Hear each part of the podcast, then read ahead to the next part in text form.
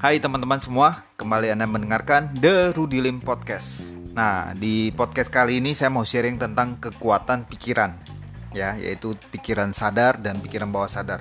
Ada banyak teman-teman yang minta saya untuk sharing di YouTube channel saya.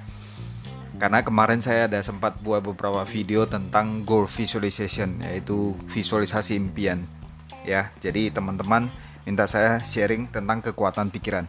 Sebenarnya kekuatan pikiran ini ilmunya banyak sekali ada ilmu NLP, ilmu hipnosis, hipnoterapi, brainwave dan lain-lain. Nah, saya akan coba sharing dengan pemahaman saya sendiri, pemahaman saya berdasarkan pengalaman saya selama 12 tahun dan juga uh, saya akan sharing dengan bahasa sehari-hari. Semoga bisa lebih mudah dimengerti cara kerja pikiran. Nah, setidaknya teman-teman tahu basicnya cara kerja pikiran kita seperti apa, sehingga kita bisa mengakses dan memanfaatkan pikiran bawah sadar kita. Oke, ikutin.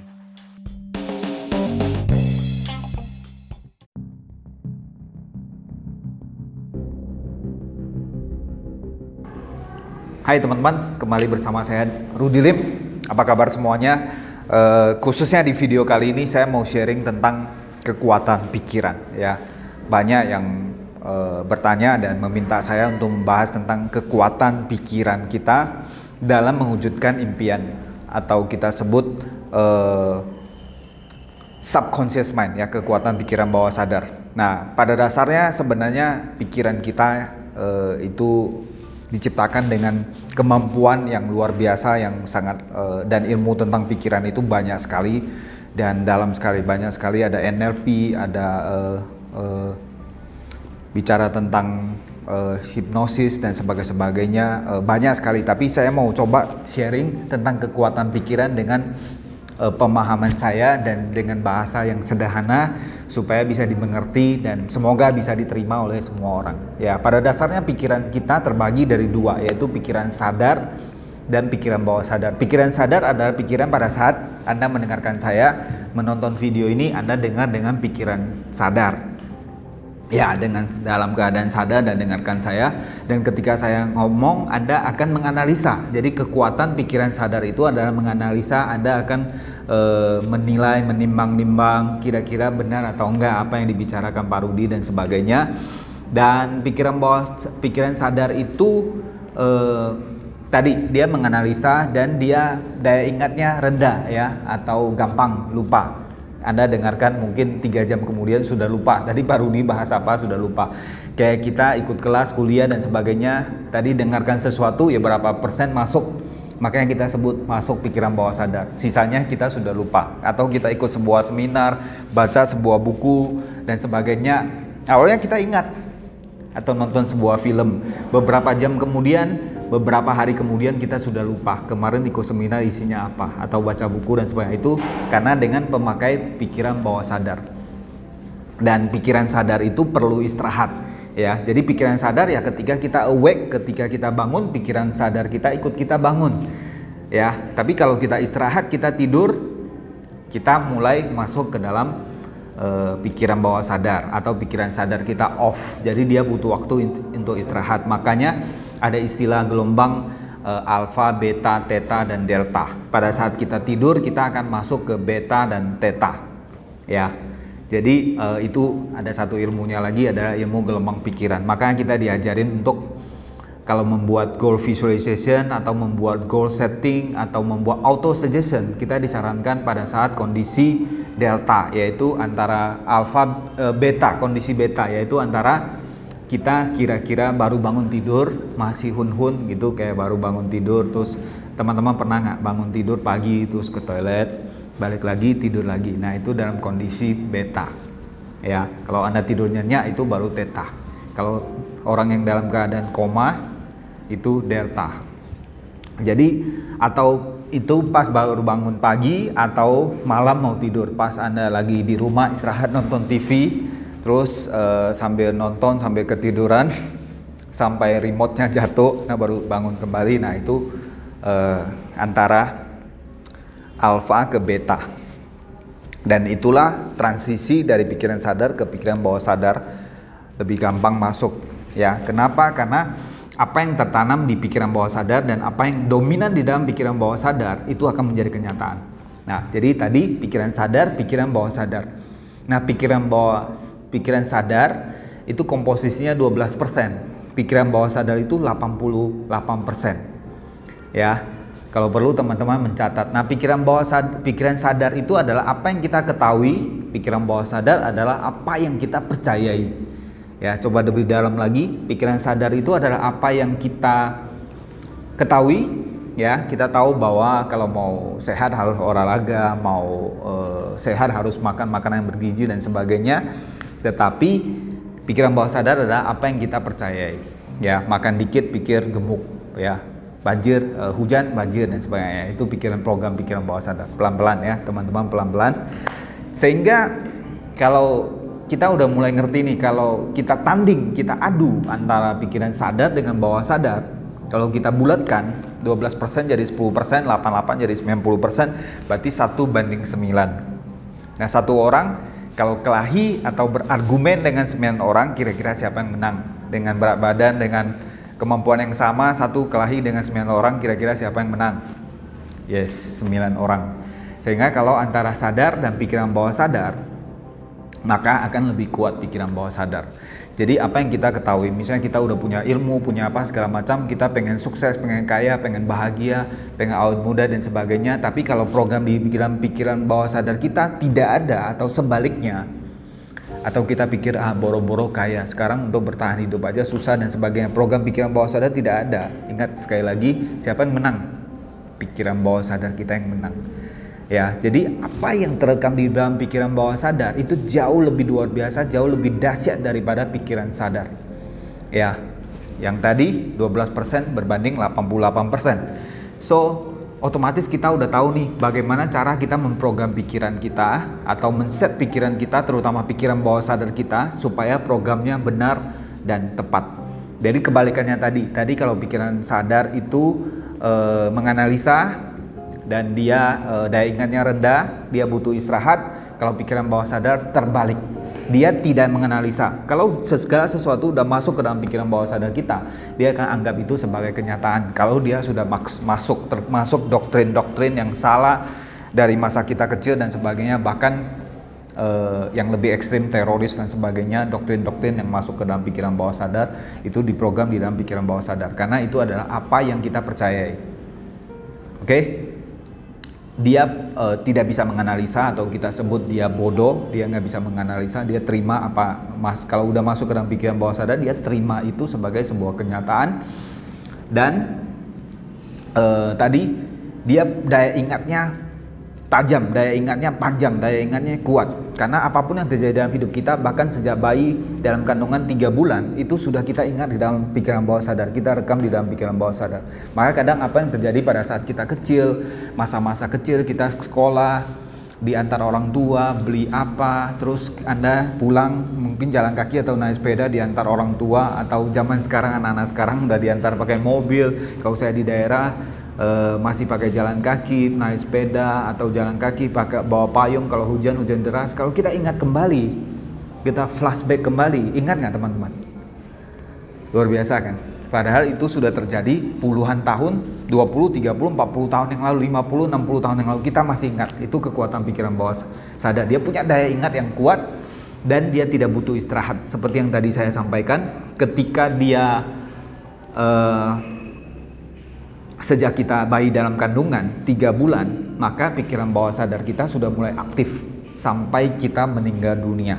Ya, jadi makanya kalau anda tahu kalau sekarang ada program brainwave atau ada musik uh, jazz dan sebagainya, kalau ada ibu-ibu hamil didengarkan musik-musik tertentu, ya sehingga uh, dipercaya dan memang benar itu ada ilmunya bahwa uh, musik itu bisa didengar oleh anak kita. Maka termasuk ibu-ibu yang hamil, kadang bapaknya, uh, ibunya men mendoakan anaknya ya, kamu akan menjadi anak yang hebat, anak yang baik, anak yang rajin, anak yang berbakti, anak yang luar biasa akan jadi pemimpin dan sebagainya. Itu memang bisa. Kenapa? Karena anak kita, pikiran bawah sadar kita Bahkan kalau anak kecil pikiran bawah sadar dia plong masih 100% pakai pikiran bawah sadar Jadi apa pun yang kita ngomong dia akan rekam di dalam pikiran bawah sadar kita yang baik-baik. Maupun sebaliknya yang buruk-buruk. Kalau keluarga yang broken home dan sebagainya eh, berantem di depan anak-anak dan sebagainya, ngomong kasar, maki memaki, pukul memukul dan sebagainya itu semua akan direkam di dalam pikiran bawah sadar anak kita. Dan secara nggak langsung itu kadang menjadi trauma dan mental block. Ya teman-teman mungkin sampai di sini sudah cukup ngerti ya saya nggak pakai ilustrasinya tapi ini ilmunya mahal sebenarnya. Saya belajar uh, sekitar 11-12 tahun yang lalu tentang pikiran bawah sadar dan terus saya improve. Dan saya sengaja coba uh, sharing dengan sederhana dengan bahasa sehari-hari. Semoga teman-teman bisa uh, bisa mencerna. Dan kalau saya mau simpulkan pikiran sadar itu ibaratnya kayak sto, uh, kayak sekretaris ya jadi kalau kita uh, Anda coba pikirkan kalau Anda mau ketemu seorang bos, orang pertama yang Anda ketemu siapa? Sekretarisnya. Ya, jadi Anda harus minta izin sama sekretarisnya mau ketemu bos dan sebagainya. Sekretarisnya kasih izin baru Anda bisa ketemu bos. Ya, begitu juga ketika Anda mau masuk ke dalam pikiran bawah sadar Anda atau mengelola pikiran Anda, meng, menguasai pikiran Anda, Anda harus lewat pikiran sadar dulu yaitu kayak sekretaris dulu. Anda harus minta izin dulu baru bisa masuk. Karena kalau kita udah tahu kekuatan pikiran bawah sadar lebih dahsyat kita pasti mau mengakses pikiran bawah sadar. Tapi kita harus lewat sekretaris tadi. Maka kalau kita mau ketemu sekretaris kita harus apa? Baik baikin sekretaris ya. Kasih bunga kasih coklat dan sebagainya biar bisa. Dan lewat pengulangan terus menerus terus makanya kadang anda kalau diajarin auto suggestion anda akan diajarin untuk salah satunya adalah pengulangan ya kayak saya cinta diri saya, saya sangat bahagia, saya pasti sukses, itu diulang-ulang. Ya, ini yang diajarin oleh guru saya. Dan pikiran bawah sadar kita itu ibaratnya adalah storekeeper, penjaga gudang. Ya, penjaga gudang seolah-olah bodoh biasa aja, tapi dia punya daya ingat yang luar biasa. Bayangin, gudang yang sangat besar, yang punya uh, database puluhan ribu barang dan sebagainya. Anda pernah berpikir nggak seorang penjaga gudang atau storekeeper punya kelebihan daya ingat yang sangat luar biasa barang ini simpan di mana, item apa, e, kode QC berapa dan sebagainya. Nah tanya dia, dia tahu di mana. Nah itu storekeeper. Maka sama seperti pikiran bawah sadar kita, apa pun yang kita alami dari kecil sampai kita dewasa itu terekam di dalam pikiran bawah sadar. Sehingga ketika kita calling, ya, Anda ditanya mau sukses nggak, mau dapat nggak penghasilan 100 juta per bulan, maka dia tanya ke sekretaris, nah, ditanya, saya tanya Anda, contoh Anda ya teman-teman penonton di rumah, teman-teman mau nggak dapat penghasilan 100 juta per bulan? Nah, Anda akan dengar dengan pikiran sadar, yaitu sekretaris.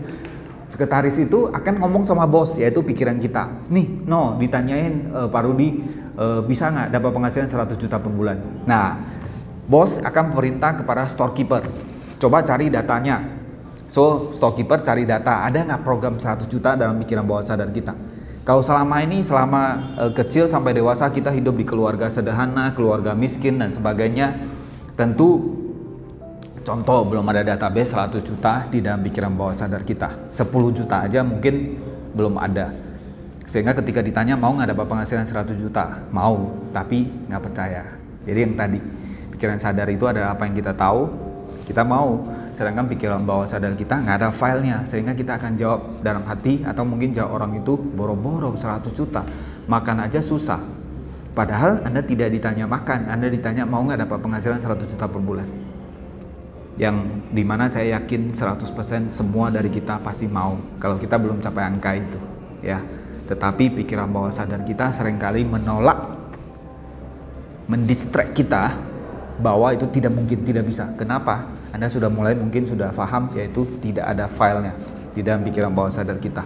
Sehingga tugas kita apa? Kita kerucutkan. Kita harus install pikiran bawah sadar kita dengan hal-hal positif, dengan hal-hal yang kita mau, dengan hal-hal yang kita inginkan, dengan apa? Dengan goal setting, dengan menentukan apa yang kita inginkan, impian kita, install di dalam pikiran bawah sadar kita, ada teknik auto suggestion, ada teknik goal visualization dan sebagainya. Nanti saya akan jelaskan di video-video saya berikutnya atau video-video saya sebelumnya yang membahas tentang goal visualization.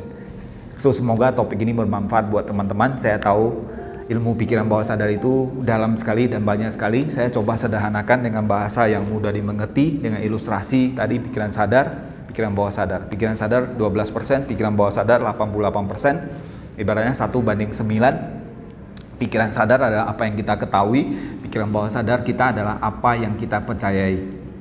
So apa yang kita percayai pasti lebih penting daripada apa yang kita ketahui. Maka sering kali saya kalau teman-teman suka menonton video saya saya suka ngomong kata jangan percaya saya. Benar gak ya teman-teman ada yang nge ada yang pernah tanya saya di komen kok Pak Rudi uh, lucu ya ajarin sesuatu tapi sering ngomong kata jangan percaya saya Nah, itu sebenarnya bahasa sugesti dan bahasa pemrograman pikiran bawah sadar. Contoh, kenapa? Karena pikiran bawah sadar kita tidak bisa membedakan kata tidak. Saya tidak mau miskin, saya tidak mau miskin, saya tidak mau miskin. Tetapi yang dominan dalam pikiran bawah sadar kita adalah kata miskin karena dia tidak bisa membedakan mana yang ya atau mana yang tidak. Tidak mau dia nggak bisa bedakan. Dia ambil subjeknya miskin, miskin. Contoh, saya tidak mau gemuk. Ya, ih gemuk, gemuk. Ibu-ibu yang saya nggak mau gemuk, yang takut gemuk, ih gemuk, makan dikit, ih gemuk ya. E, kalau gemuk, kalau gemuk dia dia cermin, dia cermin dia stres, habis stres dia makan, makan dan sebagainya. Ya, tapi yang dominan dalam pikiran bawah sadar dia adalah takut gemuk. Ih, nggak mau gemuk, nggak mau gemuk. Akhirnya jadi semakin gemuk. Ya, jadi uh, pikiran kita nggak bisa terima kata tidak. Contoh, saya mau kasih anda teman-teman sebuah ilustrasi simple untuk menutup video saya kali ini karena udah 15 menit ya. Uh, contoh teman-teman dilarang ya. Pokoknya dilarang tidak boleh berpikir ya. Pokoknya uh, saya kasih anda sebuah perintah ya. Dilarang berpikir gajah. Tidak boleh pikir gajah ya. Pokoknya di nggak boleh ya. Bahkan haram untuk pikir gajah. Tidak boleh pikir gajah. Saya mau tanya teman-teman kira-kira di dalam pikiran anda apa yang terlintas dalam pikiran anda Gajah bukan. Karena pikiran bawah sadar Anda untuk mengetahui apa yang tidak boleh, dia harus tahu dulu filenya dan menyatakannya. Jadi tidak boleh gajah, oke, tidak boleh gajah. Nah, apa yang tidak boleh gajah? So dia akan menampilkan filenya. Si storekeeper akan cari file gajah dulu. Gajah keluar, nah terus tidak boleh ya udah tidak boleh. Tapi udah terlanjur keluar dulu. Kira-kira paham ya maksud saya? Lanjutkan. Sekarang di atas gajah itu muncul seekor monyet lagi nari-nari yeah. kira-kira dalam pikiran bawah sadar Anda nongol nggak monyetnya? Tiba-tiba monyet itu warna pink. Warna pink nggak teman-teman? Itulah kekuatan pikiran bawah sadar kita. Itu dahsyat sekali, hebat sekali. Maka teman-teman saya harapkan Anda eh, setelah menonton video ini, setelah mengerti tentang kekuatan pikiran bawah sadar, Anda mulai mencari tahu, baca buku, ikut seminar, video, dan sebagainya, mencari tahu tentang uh, story tentang ilmu pikiran bawah sadar dan saya yakin, saya jamin tidak usah percaya saya. ilmu ini sangat bermanfaat buat Anda dan bisa mengubah hidup Anda bagaikan bumi dan langit. Tidak usah percaya saya. Ketika saya tahu tentang ilmu pikiran bawah sadar itu dan saya terapkan, hidup saya berubah total. Ya, nanti saya akan lanjutkan di video-video selanjutnya. Semoga bermanfaat teman-teman. Tentu ilmu pikiran bawah sadar tidak ada habisnya, tapi ini basicnya dulu sehingga teman-teman ngerti apa itu pikiran sadar, pikiran bawah sadar dan bagaimana cara men uh, akses pikiran bawah sadar kita dan bagaimana cara kita bisa memprogram ulang pikiran bawah sadar kita. Kalau kita tahu pikiran bawah sadar kita itu adalah isinya file-file, maka file-file apa yang kita ingin terjadi dalam hidup kita, kita bisa sengaja install di dalam pikiran bawah sadar kita dan uninstall semua mental block dalam hidup kita. Luar biasa teman-teman. So stay tune sampai ketemu di video berikutnya. Jika Anda suka video ini dan Anda merasa video ini bermanfaat, kasih thumbs up, kasih like, comment, share, dan jangan lupa subscribe channel YouTube kita. Semoga lebih banyak orang yang uh, bisa nonton video kita. Terima kasih. Dari saya Rudi Lim.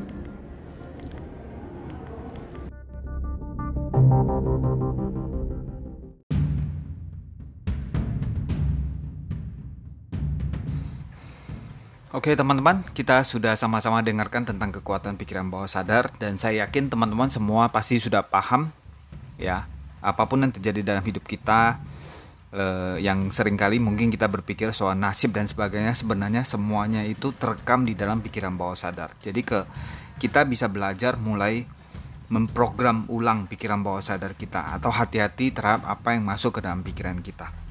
Nah, kalau pikiran bawah sadar kita isinya adalah file-file, maka kita sebenarnya bisa isi file-file yang luar biasa yaitu tentang kesuksesan, tentang uh, sehat, kaya, bahagia, keluarga harmonis dan sebagainya. Nah, next di podcast berikutnya saya akan sharing bagaimana cara menginstall pikiran bawah sadar kita dengan hal-hal yang luar biasa. Semoga bermanfaat, guys. Sampai ketemu di podcast berikutnya.